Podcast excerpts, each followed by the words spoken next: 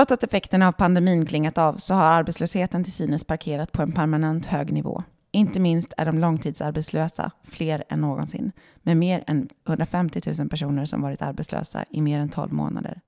Vad beror detta på och vad kan politiken göra åt saken? Det du nu ska lyssna på är inspelningen av seminariet där Annika Sundén, tidigare analyschef på Arbetsförmedlingen, presenterar sin rapport om arbetslösheten och privatiseringen av Arbetsförmedlingen. Presentationen, som du hittar en länk till i avsnittbeskrivningen, följs av ett samtal mellan Annika Sundén, Vänsterpartiets ekonomisk-politiska talesperson Ali Esbati och Adnan Habibija, samhällspolitisk utredare på LO. Moderator är Anna-Klara Bratt. Seminariet ägde rum i Hörsalen på Medelhavsmuseet den 30 juni 2022. Vi kommer att inleda. Annika Sundén, som tidigare varit analyschef på Arbetsförmedlingen, kommer att berätta bland annat vad privatiseringen har betytt på Arbetsförmedlingen och för arbetslösa. Och sen så kommer Ali Esbati, ekonomisk politisk talesperson i Vänsterpartiet, att presentera Vänsterpartiets förslag. Sen kommer vi få en reaktion bland annat på det av Adnan Habibidja som är utredare på LO och specialiserad på de här frågorna. Och vi kör igång direkt. Rapporten finns här ska jag säga och hämta om någon har missat. Varsågod Annika Sundén. Tack så mycket och tack så mycket för inbjudan att skriva den här rapporten om läget på arbetsmarknaden och i arbetsmarknadspolitiken. Och I den här rapporten har jag utifrån de analyser som jag under flera år har arbetat med eh, dragit mina slutsatser om vad jag tycker, vad jag tycker läget på arbetsmarknaden är och eh, vad som behöver göras. Så det här är helt mina egna uppfattningar. Eh, om man tittar på hur det ser ut på arbetsmarknaden idag så är det ju tydligt att arbetsmarknaden har kommit igång ordentligt efter pandemin. Arbetslösheten i genomsnitt och på det sätt som den räknas eh, när vi räknar inskrivna vid Arbetsförmedlingen är just nu på 6,6 procent. Det motsvarar ungefär 334 000 inskrivna vid Arbetsförmedlingen. Och det här är en låg nivå om man jämför över tid. Den har inte varit så här låg sedan maj 2019. Arbetslösheten har också sjunkit i alla grupper. Bland ungdomar ligger den just nu på 7 procent och utrikesfödda högre men ändå en lägre andel än för ett år sedan. Det är 16,6 procent. Men vi ser en stor regional variation i landet. Ehm, vi ser också stark efterfrågan på arbetskraft. Det är rekordmånga jobb just nu i Platsbanken. Och varsel ligger på normala nivåer. Så man, från det här skulle man kunna dra slutsatsen att allt är ganska okej. Okay. Och då skulle jag säga att det är det verkligen inte.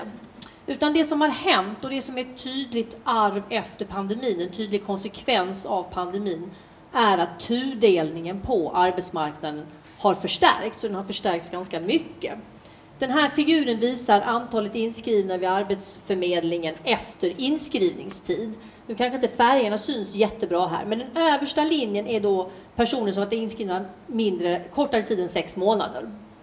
Där ser ni den spiken som hände under pandemin, den har sjunkit undan sedan. Eh, den, de två streckade linjerna, den mörkare streckade linjen är inskrivna 6 till 12 månader och den röda linjen är inskrivna 12 till 24 månader. Den röda linjen är alltså långtidsarbetslösa. Och den heldragna, lite gröna linjen är personer som är, har varit inskrivna mer än 24 månader.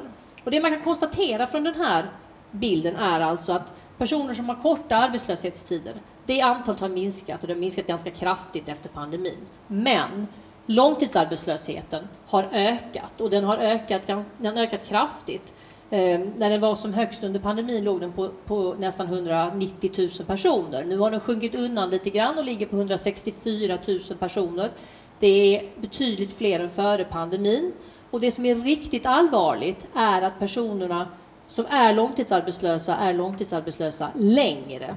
Alltså antalet personer som varit arbetslösa mer än 24 månader, alltså mer än två år, den, det antalet närmar sig 100 000 och ni ser att den, den gruppen fortsätter att öka. Eh, så att nästan 50 procent av de inskrivna vid Arbetsförmedlingen är alltså långtidsarbetslösa. Tittar man på vilka som är arbetslösa. Och det här visar också, det här visar alla arbetslösa, men det visar också vilka grupper det är som är långtidsarbetslösa. Och det handlar om personer som har en utsatt, en, en svagare konkurrensförmåga på den svenska arbetsmarknaden. Det handlar om personer som är utrikesfödda, födda utanför Europa. Det handlar om personer som saknar, inte har gått klart gymnasiet. Vi har en avancerad arbetsmarknad i Sverige. Nästan alla arbetsgivare vill att man ska gå klart gymnasiet. Och det handlar om personer med funktionsnedsättningar. Eh, även personer 55 år och äldre har, har en svagare konkurrensförmåga. Och då ser ni att, att, de här, att det, av en del av de här arbetssökande har då flera, många av de ut, utomeuropeiskt födda till exempel saknar gymnasieutbildningen.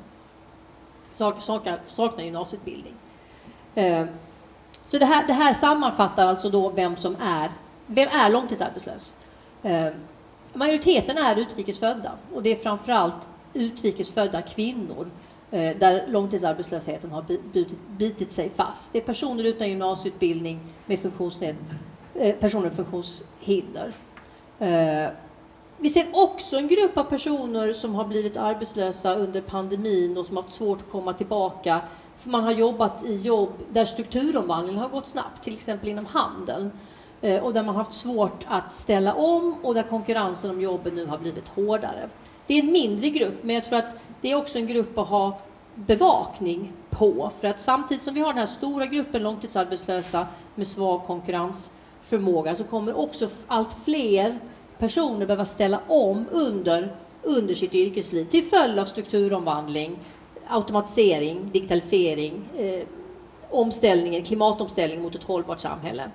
Och det kommer påverka många yrken på arbetsmarknaden eh, och kompetenskraven kommer att förändras. Eh, vi har redan en avancerad arbetsmarknad, den blir allt mer avancerad. Samtidigt som vi då ser en väldigt stor brist på arbetskraft i vård, skola, omsorg, i yrken kopplat till ny teknik, även vissa hand, hantverksyrken. Och, och, det gör ju att utbildnings och arbetsmarknadspolitiken är otroligt viktiga, att de är i synk. Det som jag gör i den här rapporten är, är också att, att då diskutera arbetsmarknadspolitiken och vad som har hänt i arbetsmarknadspolitiken. Och då, då hävdar jag att vi vet väl vad som fungerar i, i arbetsmarknadspolitiken. Det här är ett område som har, som har forskats mycket på, där man också kan dra ganska tydliga eh, slutsatser. Jag vill också hävda att vi har tillräckligt många verktyg i vår verktygslåda. Och det som är, som forskningen visar tydligt och som är centralt för att stötta personer tillbaka till arbete och framförallt personer som står långt ifrån arbetsmarknaden, långtidsarbetslösa. Det är förmedlingsinsatser. Och med det menar jag det som en arbetsförmedlare arbetar med, alltså det som handlar om eh, coachning, vägledning, eh, kartläggning av kompetenser, eh, det här nära arbetet, nära en person för att komma tillbaka till arbetsmarknaden. Vi vet att praktik och subventionerade anställningar är en viktig väg in att kunna, om man, har, man saknar arbetslivserfarenhet eller inte har tillräcklig kompetens, att kunna arbeta då i en subventionerad anställning och få den här erfarenheten för att sedan kunna gå vidare till ett osubventionerat jobb är viktigt. Och det visar forskningen också att det har klara positiva effekter för personer som är långtidsarbetslösa.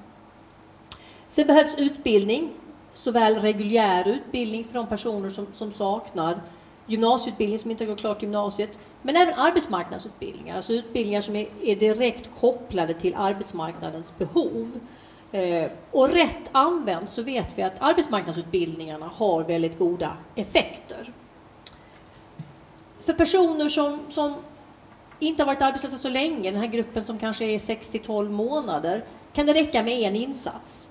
Men för den stora gruppen, för de här 164 000 personerna som har varit arbetslösa mer än 12 månader, så kommer det, eller det krävs, flera insatser och det krävs en kedja av insatser som hänger ihop. Och det som också är väldigt viktigt är hur en arbetsförmedling arbetar med de här personerna. Alltså det arbetssätt man har när man möter de här långtidsarbetslösa personerna. Och jag ska ge ett exempel på då vad vi vet funkar eh, och, och som, som riktar sig direkt mot, mot eh, långtidsarbetslösa personer. Eh, och det här var ett pilotförsök som gjordes vid Arbetsförmedlingen med, med finansiering från Europeiska socialfonden. Eh, och där tanken var att tänka arbete från dag ett. För det som händer för långtidsarbetslösa personer som är inskrivna vid Arbetsförmedlingen är att det ofta tar ganska lång tid, eller det tar väldigt lång tid. Det är många insatser, det kan vara ganska låg aktivitet i de här insatserna. En insats följer på en annan och så tänker man att arbetet kommer ganska långt fram. Och, ett, och en orsak att man gör det är ju att den svenska arbetsmarknaden och så som svenska arbetsgivare och vi alla kanske tänker är att vi tänker väldigt mycket i formella kompetenser. Vad står det på ditt CV? Vilken skola har du gått i? Vad har du arbetat med? Är det då en person som kommer från ett annat land och framförallt kanske om du är en kvinna som kommer från ett annat land och har väldigt låg utbildning eh, och ingen formell arbetslivserfarenhet så är ditt CV tomt. Och då tänker arbetsgivaren och Arbetsförmedlingen också för den delen att ja, nej, men det kommer krävas väldigt mycket för att den här personen ska kunna komma ut i arbete. Det här projektet och det man gjorde här var istället att tänka ja, men vi tänker arbete från dag ett. Alla människor har förmågor. Bara för att du inte har arbetat i formell sektor betyder det inte att du inte har arbetat. Alla har arbetat. Ehm, och när det gäller de här kvinnorna så har man ofta arbetat med att ta hand om sina barn, sina föräldrar, man har lagat mat, man kan ha skött ett jordbruk, man kan ha drivit någon liten verksamhet. Ehm, och det den här metoden går ut på då är att se allas förmåga, att göra en noggrann kartläggning av vad har du för förmågor, vad kan du för någonting, vad är du intresserad av, vad skulle du vilja jobba med eh, och vad skulle kunna jobba med idag. Samtidigt som man gjorde en väldigt noggrann kartläggning av arbetsgivare, vad behövs hos en arbetsgivare? Till exempel inom omsorgen, eh, där det då är ett stort behov av precis de här kompetenserna. Och genom den här noggranna kartläggningen av både de som söker jobb och arbetsgivaren så kunde man göra en, en bra matchning tillsammans med språkutbildning, praktik och en subventionerad anställning. Eh, och det här visade då väldigt bra resultat i en vetenskaplig utvärdering så gav den här metoden alltså 30 procent högre andel till arbete och utbildning. det, var för, det fungerade såväl för kvinnor och män, ska jag säga. Nu riktade sig det här i huvudsak till kvinnor. Men det här är ett väldigt bra exempel på hur man skulle kunna organisera förmedlingsinsatser för att stötta långtidsarbetslösa tillbaka till arbete. Tyvärr var det här då någonting som inte fortsattes på Arbetsförmedlingen och inte implementerades utan eh, lades ner när, när projektet var slut. Eh, Istället då så, så är ju fokus på Arbetsförmedlingen och fokus har varit i, i arbetsmarknadspolitiken också den politiska styrningen av ja, men det som är reformeringen av Arbetsförmedlingen. Alltså att mycket av de arbetsförmedlingsinsatser som erbjuds ska erbjudas av privata aktörer, fristående aktörer. Och det har funnits länge, i arbetsmarknadspolitiken. Det här, eh, men, men det som, som ligger i reformeringen är ju att en allt större andel av de arbetssökande ska vara, få sin hjälp och sin stöd från fristående aktörer. Eh, och att de fristående aktörerna ska ersättas baserat på resultat. Och så använder Arbetsförmedlingen ett statistiskt bedömningsstöd för att avgöra hur långt ifrån från eh, arbetsmarknaden arbetssökande står för att, för att då avgöra om, om de här eh, personerna är lämpliga för de här tjänsterna. Eh, så, så, så, det är ändå det som har blivit en huvudinriktning, eller är en huvudinriktning på, på Arbetsförmedlingen. Trots att Arbetsförmedlingen också har ett väldigt omfattande regleringsbrev där det är tydligt att det ska finnas lokal närvaro och att Arbetsförmedlingen ska erbjuda tjänster i egen regi, framförallt då till personer som står långt ifrån. Men då, då menar jag, och det som jag redogör då för i, i min analys, är att det har inte hänt. Utan istället har de här tjänsterna från, som, som erbjuds av fristående aktörer, och de kan fungera för vissa grupper av arbetssökande. För det här mellansegmentet, personer som varit arbetslösa 6–12 månader, som kanske behöver hjälp att skriva ett CV, få, få råd och tips om vilken utbildning de ska gå. För de personerna kan fristående aktörer, de tjänster som fristående aktörer erbjuder, ge resultat. Men det är väldigt tydligt från våra utvärderingar att de fristående aktörerna kan inte, lyckas inte eh, på det sätt de arbetar med de här grupperna som behöver det här intensiva förmedlingsstödet. Eh, Eh, men som sagt var, Arbetsförmedlingen har inte då utvecklat ett enhetligt sätt att arbeta med de långtidsarbetslösa på ett sätt som jag tycker är adekvat. Eh, så, så det, jag, det, jag, skriver om då, och det jag tycker behöver göras är ju att vad Arbetsförmedlingens roll faktiskt är, det är ju att ge det här fördjupade stödet till arbetssökande långt ifrån arbetsmarknaden som behöver många insatser och som behöver de här intensiva förmedlingsinsatserna. Och jag ska säga det också att, att eh, en, ett argument man får då är att ja, men det är väldigt resurskrävande, det krävs väldigt mycket personal. Ja, det gör det, men det är också kostnadseffektivt. Och den här utvärderingen visar att styckkostnaden, alltså kostnaden per arbetssökande, är inte högre eh, eftersom man lyckas. Man får ut personer i arbete. Och då krävs det också att man har lokal närvaro, att man har arbetsförmedlare i hela landet som kan jobba med de arbetssökande. Eh, sen ska man ha digitala tjänster också, men de ska då riktas mot de arbetssökande som står närmare arbetsmarknaden och som behöver de här digitala tjänsterna för att aktivitetsrapportera och skriva in sig och så. Det jag också tycker att Arbetsförmedlingen behöver göra det är att verkligen använda arbetsmarknadsutbildningarna mycket mer och mycket bättre. Eh, just nu har vi stor brist i många yrken. Det finns många inskrivna eh, som kanske står lite närmare arbetsmarknaden än de här eh, som har varit långtidsarbetslösa länge, men som skulle kunna tillgodogöra sig arbetsmarknadsutbildningar på ett bra sätt. Nivåerna är just nu på väldigt låga nivåer. Jag tycker man åtminstone skulle kunna fördubbla dem. Och sen är det viktigt att, att stödet till personer med funktionshinder byggs upp. Det har raserats under de här senaste åren eh, och det är en grupp som har det väldigt svårt på arbetsmarknaden.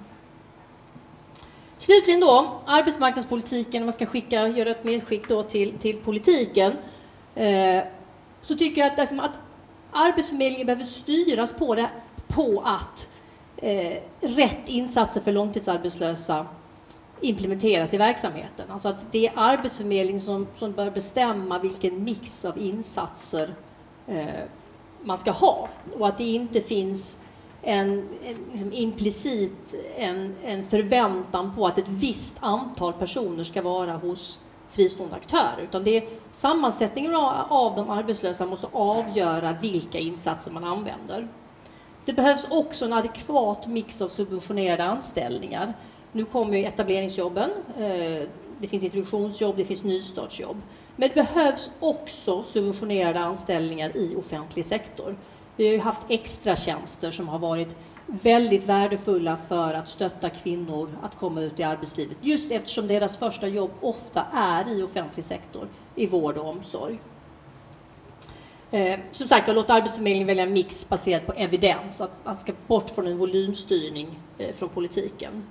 Eh, sen tror jag det är viktigt att man upprätthåller förvaltningsanslaget till, till Arbetsförmedlingen.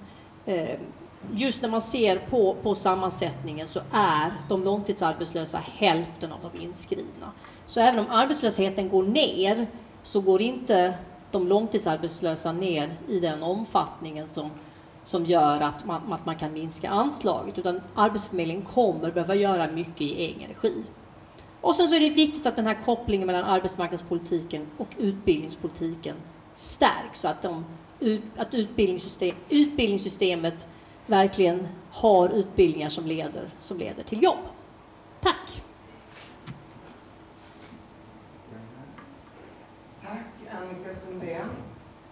Jag har lite frågor till dig men vi återkommer till dem. Vi ska höra vad Vänsterpartiet och Ali Esbati har att säga utifrån den här rapporten.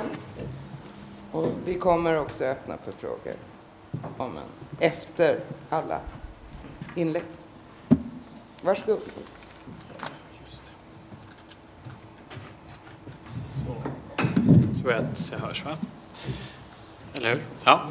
Eh, nej men eh, först och främst eh, jättestort tack för, eh, för rapporten. Det är ju otroligt eh, fint att få, eh, få höra de här sakerna från så Eh, insatt och kompetent håll. Eh, det är ju eh, en hel del av det som, som finns i rapporten eh, tangerar ju saker som den kritik som Vänsterpartiet har haft tidigare men det väcker ju också en massa tankar om hur vi kan gå vidare och eh, fördjupa oss i, eh, i, i liksom detaljerna och viktiga principiella ställningstaganden runt liksom den konkreta verksamheten. Jag börjar ju egentligen där, tänker jag, att en sak som verkligen är slående på ett eh, ganska tragiskt sätt skulle jag säga, det är ju att arbetsmarknadspolitiken under ett antal år nu har hanterats i ordets allra, allra sämsta bemärkelse eh, på eh, ideologiska grunder.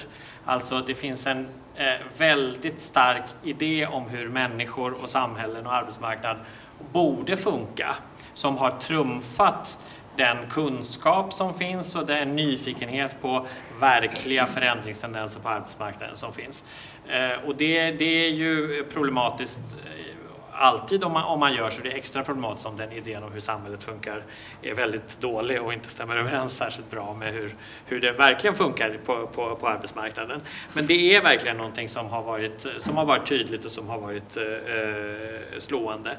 Eh, och det står så mycket i kontrast till hur Eh, hur eh, arbetsmarknaden är som väsen. Det är ju liksom allt det intressanta, konkreta, myllrande som finns i en, i en samhällsekonomi eh, syns ju på arbetsmarknaden. Det är massa människor som gör massa olika saker. Det händer snabba och långsamma förändringar och en välfungerande arbetsmarknadspolitik ska ju vara nyfiken på det, följa det och hela tiden metodutveckla utifrån det. Och det intressanta är ju som Annika var inne på att det finns ju också en massa kunskaper. Det finns en massa kunskaper eh, om vad som funkar bättre och sämre. Kunskap som naturligtvis inte är evig utan hela tiden behöver förändras.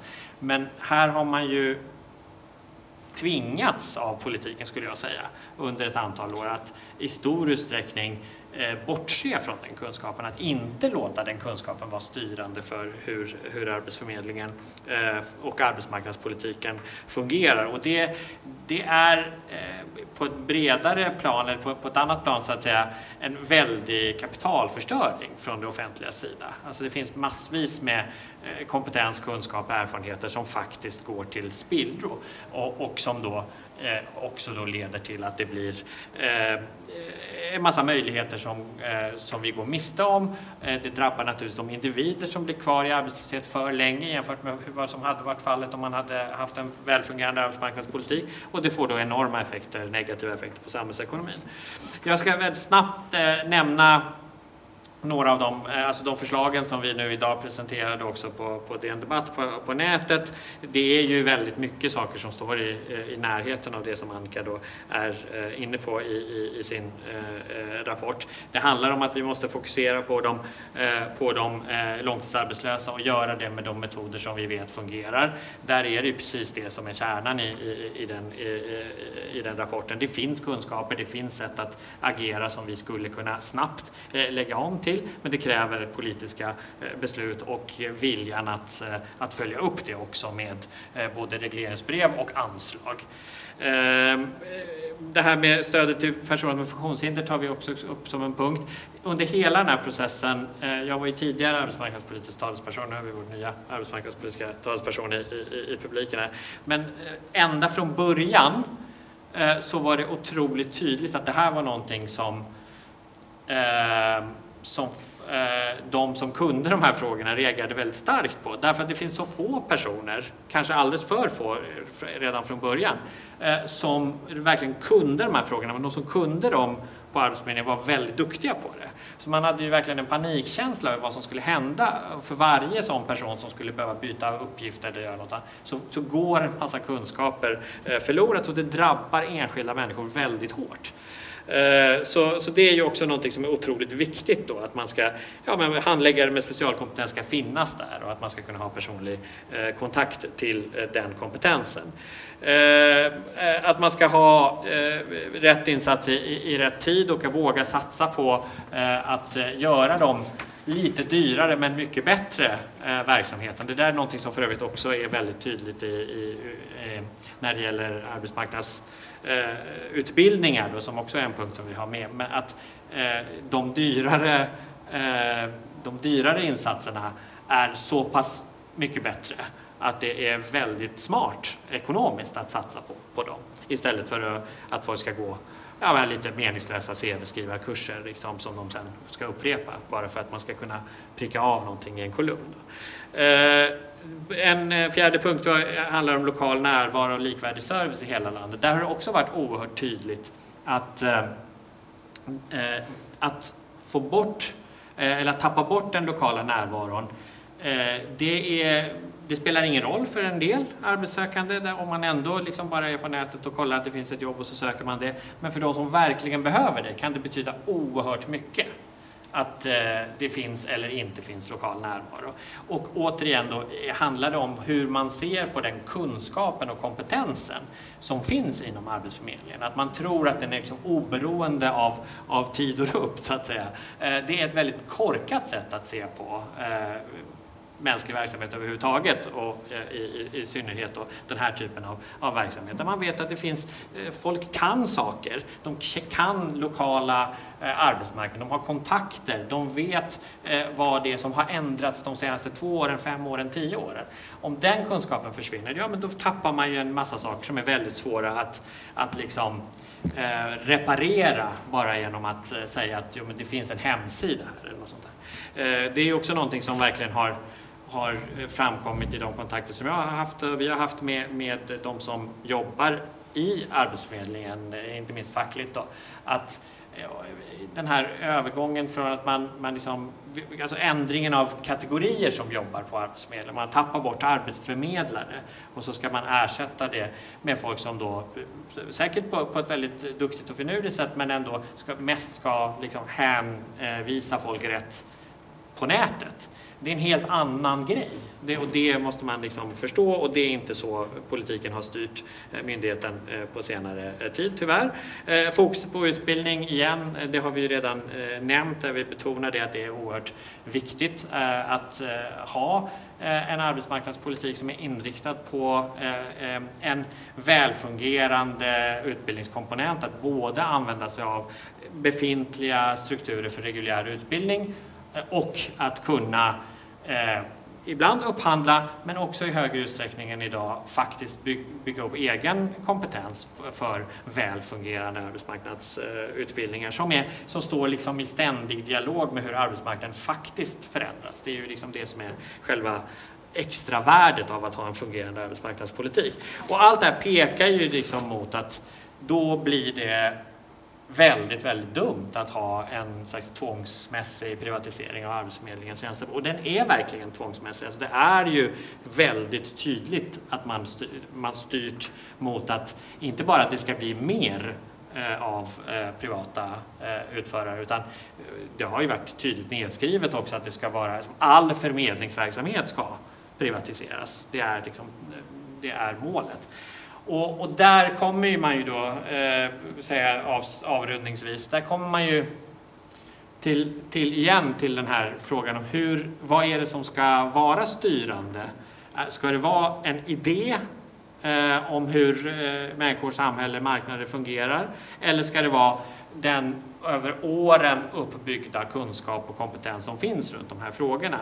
Och det är ju dessvärre så att det är det förstnämnda som har dominerat. Det är helt och hållet skulle jag säga det som styrde skrivningarna i, i januariavtalet. Men det som gör mig beklämd det är att ja, vi, vi visste att det skulle bli så här. Nu har det blivit så. Eh, kanske till och med lite värre än vad man kunde misstänka.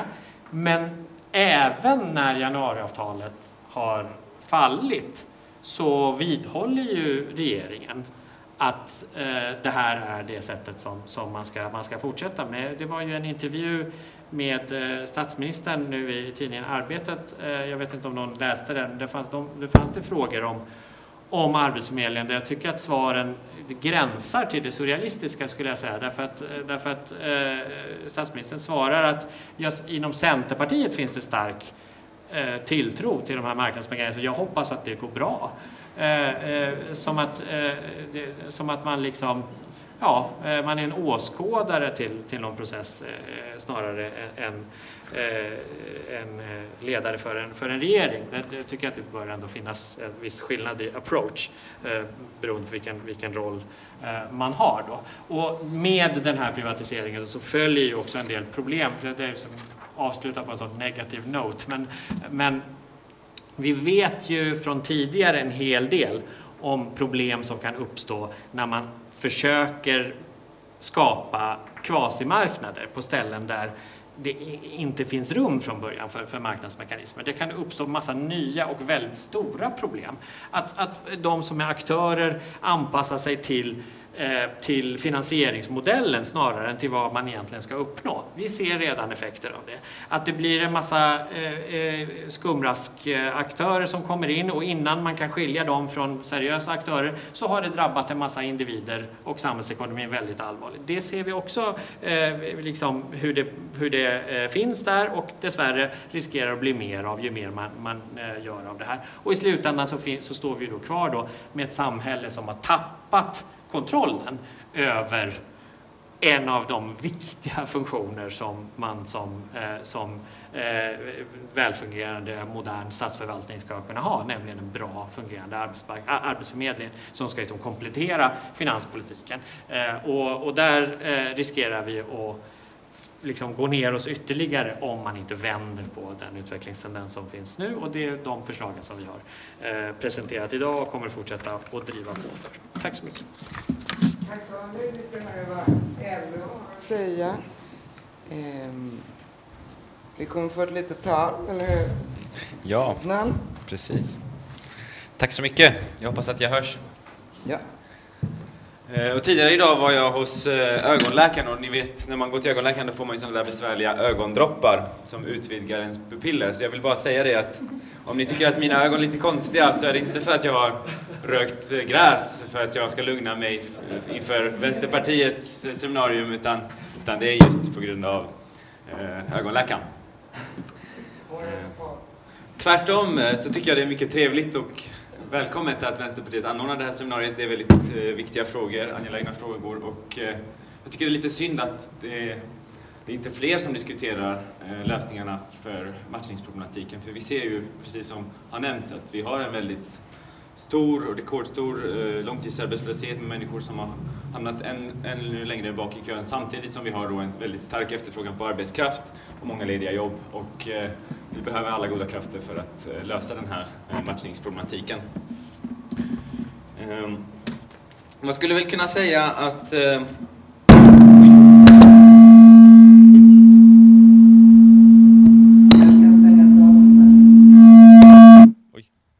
tack. Ursäkta. Man skulle kunna säga att eh, den gångna mandatperioden har ju varit i mångt och mycket ett misslyckande för arbetsmarknadspolitiken. Som ni minns så inleddes ju mandatperioden med stora nedskärningar både på Arbetsförmedlingens förvaltningsanslag men också på eh, programanslagen.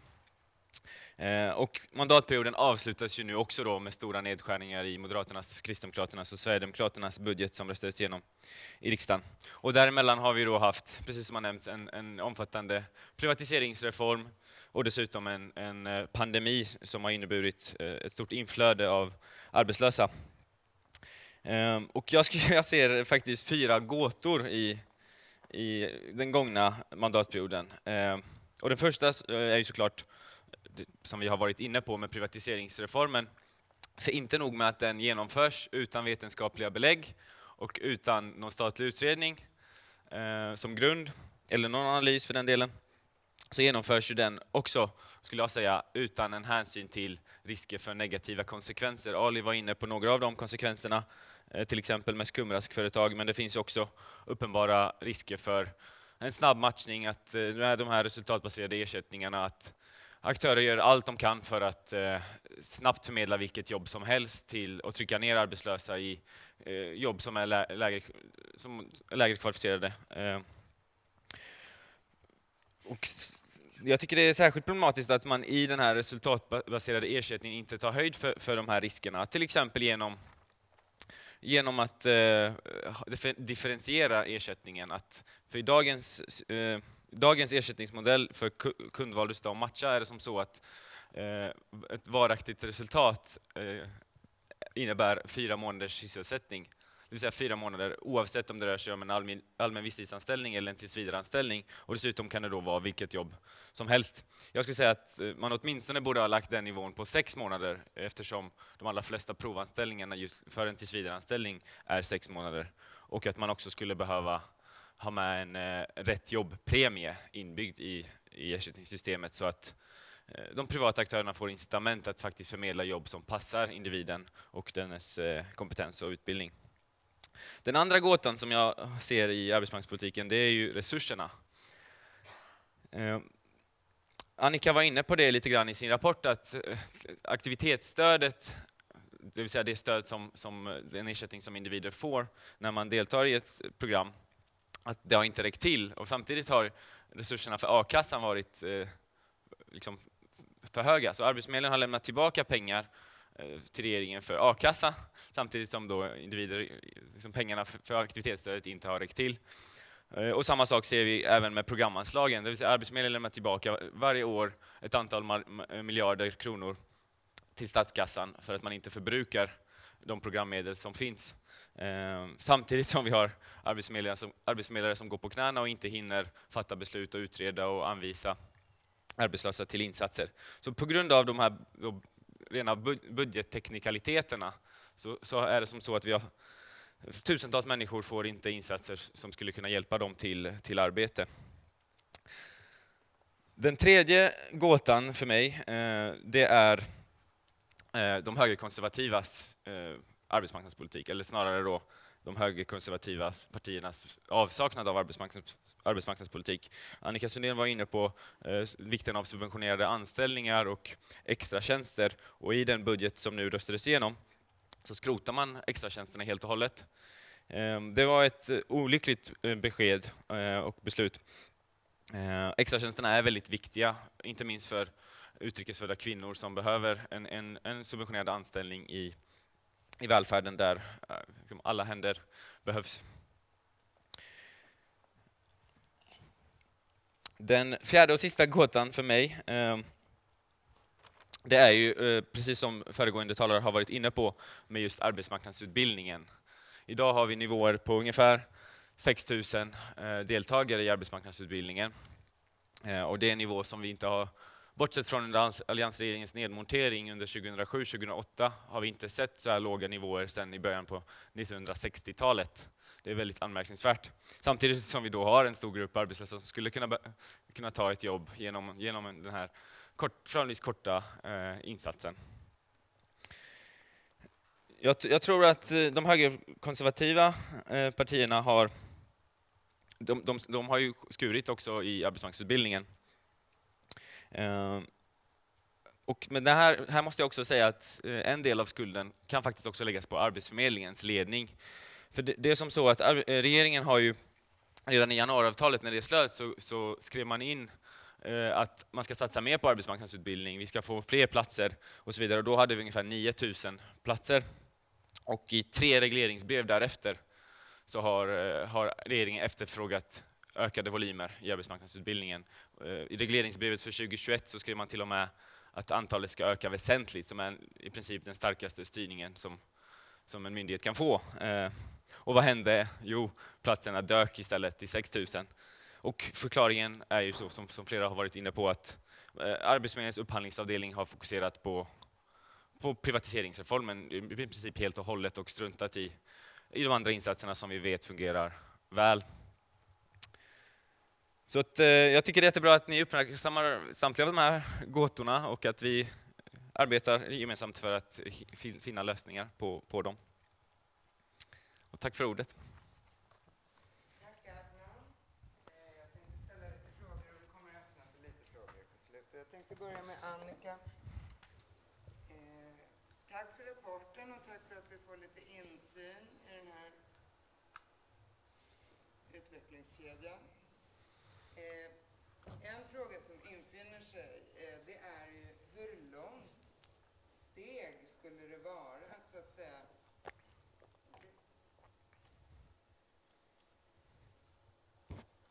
Hur lång tid skulle det vara att liksom återföra Arbetsförmedlingen till den omfattning som fanns? Är det en, en rimlig tanke?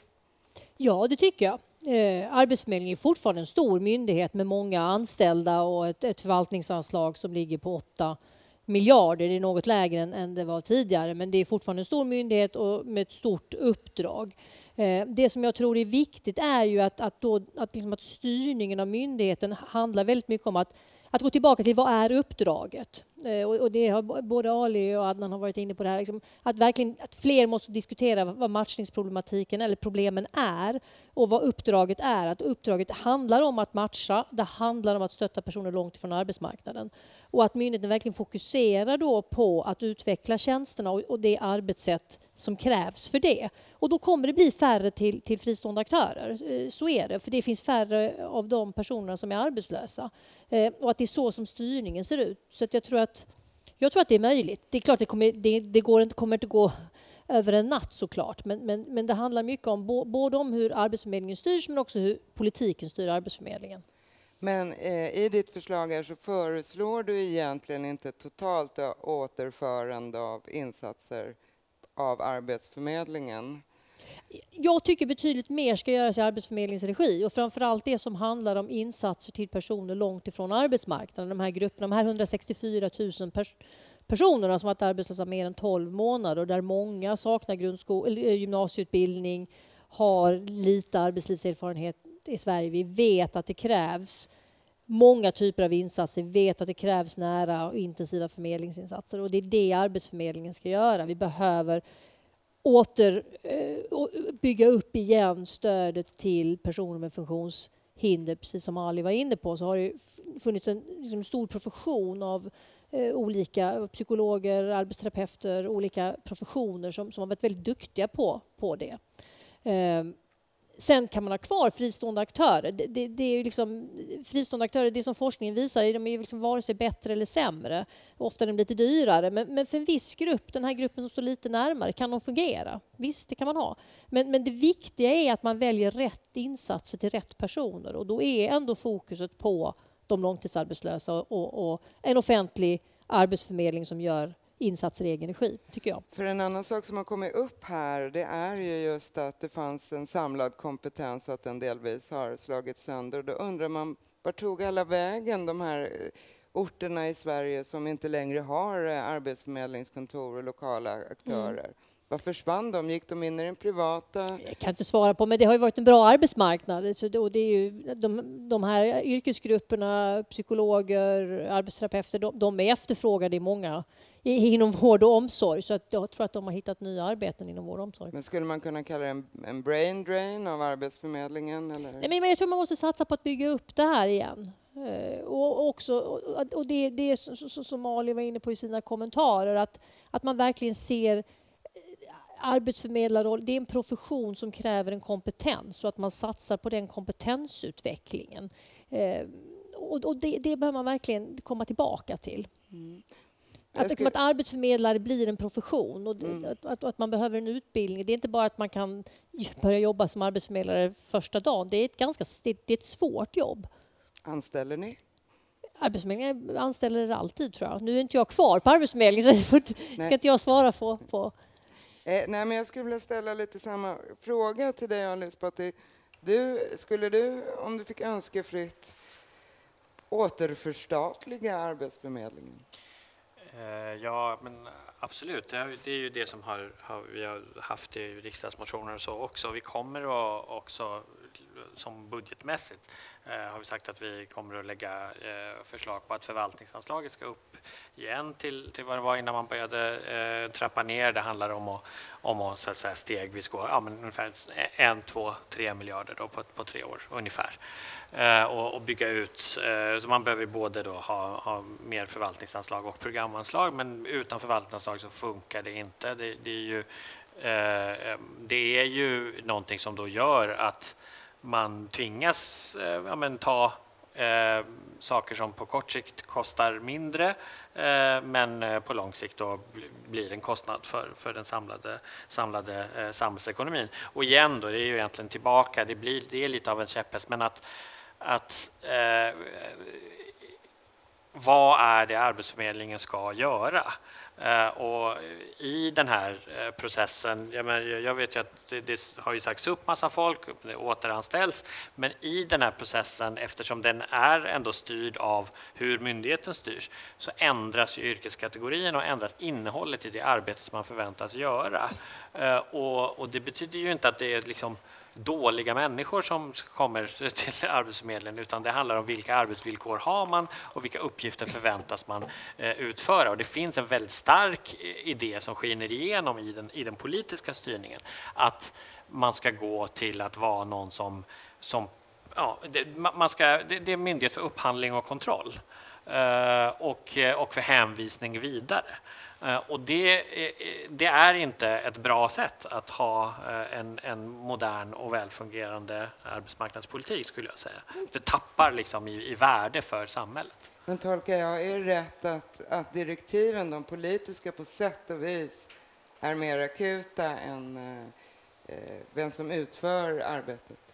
Jo, men alltså det man behöver liksom styra politiskt är ju en, en, en liksom organisk eh, återuppbyggnad och det behöver ju ske utifrån en idé om vad det är den här myndigheten ska göra. Det, vi, har ju ingen, vi har inte heller någon idé om att det måste jobba jättemånga människor på Arbetsförmedlingen utan poängen är att det finns ett jättestort jobb att göra och då, eh, då kommer det behövas fler som, eh, som, som arbetar eller mer, mer i, i, i anslag och, och, och, större utrymme att driva saker i egen regi. Och det här med liksom egen regi och, och vad man gör eh, liksom utanför det definieras ju väldigt mycket av idén om vad är det som är vår kärnuppgift. Det är klart alla kan vara överens om att har man en jättestor myndighet som håller på med, jag vet inte, rymden och man ska, så behöver man inte ha en stående festkommitté om man inte har fester hela tiden.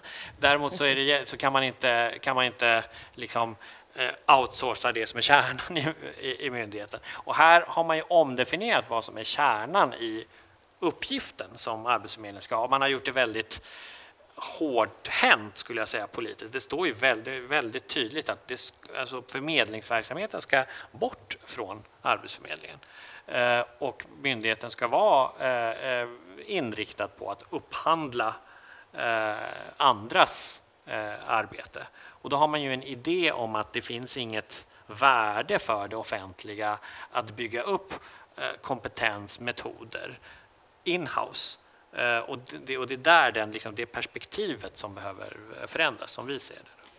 Jag skulle vilja fråga även dig, Adnan. Du kommer från en stor organisation, mycket muskler. Ehm, ändå hör vi inte så mycket om de här frågorna. Vad skulle du säga att det beror på? Jag vet inte riktigt om jag håller, om jag håller med där, för jag, jag menar på att LO har ju varit en av de, de få eh, egentligen som har, som har drivit eh, emot den här utvecklingen i arbetsmarknadspolitiken som vi har sett de senaste åren och redan Redan 2017, första veckan på mitt jobb, när jag började på LO, så skrev jag en debattartikel eh, när Moderaterna och Kristdemokraterna och de övriga borgerliga partierna gav arbetsmarknadsutredningen tilläggsdirektiv om att utreda eh, utreda just eh, privatiseringen. Så att, eh, jag skulle säga att vi är en av få, tillsammans med ett antal andra fackförbund, där till exempel ST och eh, Akademiker SSR som har kämpat emot den här utvecklingen. Och, men dessvärre har, har ju liksom avtal ingåtts och står, man står fast vid dem. Så att, Ni är alla överens om att det är den politiska rörelsen som är...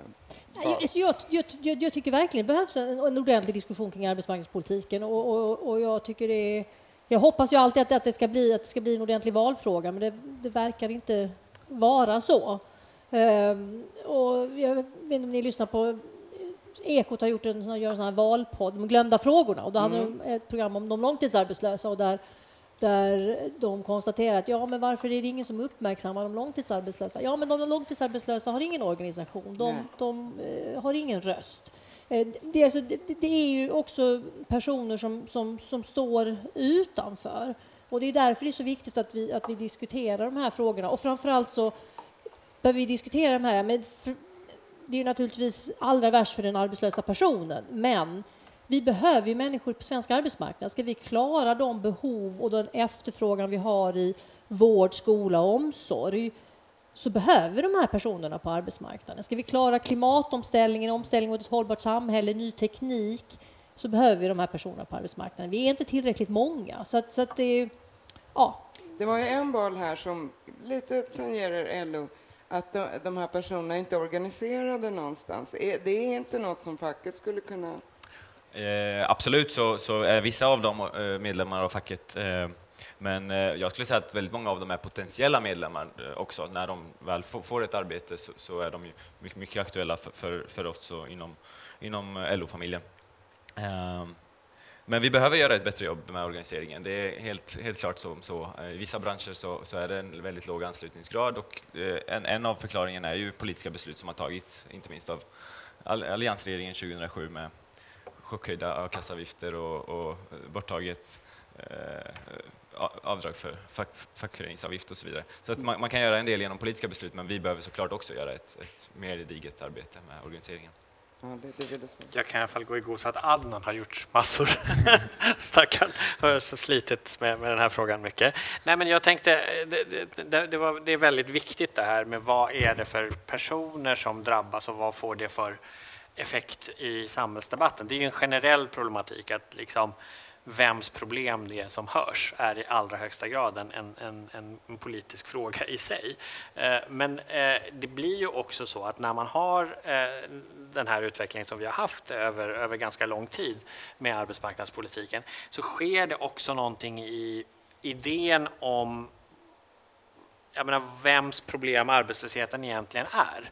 Att det finns ju, det är ju väldigt förankrat i det som drev också den för, alltså alliansregeringen men också det som finns i den här eh, eh, i januariavtalets liksom, eh, ja, sätt att, att gå på eh, Arbetsförmedlingen. Finns ju en väldigt stark idé om att arbetslösheten är ett individuellt problem, att det är en individuell defekt närmast då, och att eh, den, den hjälp man ska få från samhället är Eh, att man, man bestraffar dem som är, är lata så kanske de skärper sig. Eh, men jag, jag, tycker att det är otroligt viktigt i ett liksom modernt och progressivt samhälle att man, kan, man, man ska säga att ja, men självklart har individen ett ansvar att, att, att ständigt liksom, eh, vara, eh, vara alert och ta del av de, det stöd som finns och så. Men arbetslösheten är ju ett samhällsproblem. Den uppträder som ett samhällsproblem och den blir ett samhällsproblem och där kommer också individen i kläm när, när hon är arbetslös. Men, men eh, det perspektivskiftet hänger ju väldigt mycket ihop med hur man har eh, liksom förändrat arbetsmarknadspolitiken och Arbetsförmedlingen med det. Eh, och det är ju en, det är en stor fråga och det är verkligen en politisk fråga. Det är verkligen en central politisk fråga som eh, blir lite svårare att diskutera då när, när man landar i liksom teknik och, eh, och, eh, och myndighetsorganisering. Men man kommer ju ändå inte runt det därför att den, den där politiska motsättningen Eh, den framträder ju i hur man styr en myndighet till exempel då, eller vad man, vad man ger för, för direktiv eller vad man bygger in för, för system. Så det här är ju en väldigt, väldigt stor fråga som påverkar väldigt många människors liv och vår samhällsekonomi i grunden. Ett dilemma jag ser lite grann det var ju att Arbetsförmedlingen fick kritik för att man ägnade sig mycket åt matchning av de som stod långt bort från arbetsmarknaden och inte ägnade sig åt att liksom spotta fram jobb. Eh, vad, vad, tror, vad kan ni mötas av kritik, den här rapporten, vad det gäller just det? Det är klart att Arbetsförmedlingen har också, eh, jag tror att Adnan var inne på det, Arbetsförmedlingen har också ett viktigt arbete att, att faktiskt se över sin verksamhet och effektivisera och arbeta på bästa möjliga sätt. Det finns många det är klart att det är en stor myndighet med många utmaningar och, och problem, så att det är klart att det måste göras ett jobb på Arbetsförmedlingen också. Ehm, så det är ju inte alla behöver ju... Men jag tror att det, det, tror att det handlar... Det, det, om jag ska dra någon slutsats från det vi har diskuterat här nu så handlar det väldigt mycket om tillbaka till uppdraget. Vad mm. är uppgiften? Om man tittar på, om man, om man går tillbaka och läser instruktionen till arbets, för Arbetsförmedlingen så står det ju väldigt tydligt där att man ska matcha arbetsgivare med arbetstagare eller med arbetssökande, man ska stötta långtidsarbetslösa, man ska bidra till en, en, en höjd sysselsättning. Liksom att, att gå tillbaka till det och fokusera på det, det, det tror jag.